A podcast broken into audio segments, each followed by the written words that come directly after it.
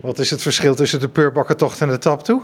de plastic rommel die erachter blijft. Een aantal jaar geleden hebben wij vragen gesteld aan het college over de peurbakkentocht. Want er werd ontzettend veel snoepgrond naar de kant gegooid. Dat is hartstikke leuk, maar de helft belandde in het water. En dat zinkt natuurlijk naar de bodem. Dus daar met de opruimboot uh, haal je ook niet meer alles boven water.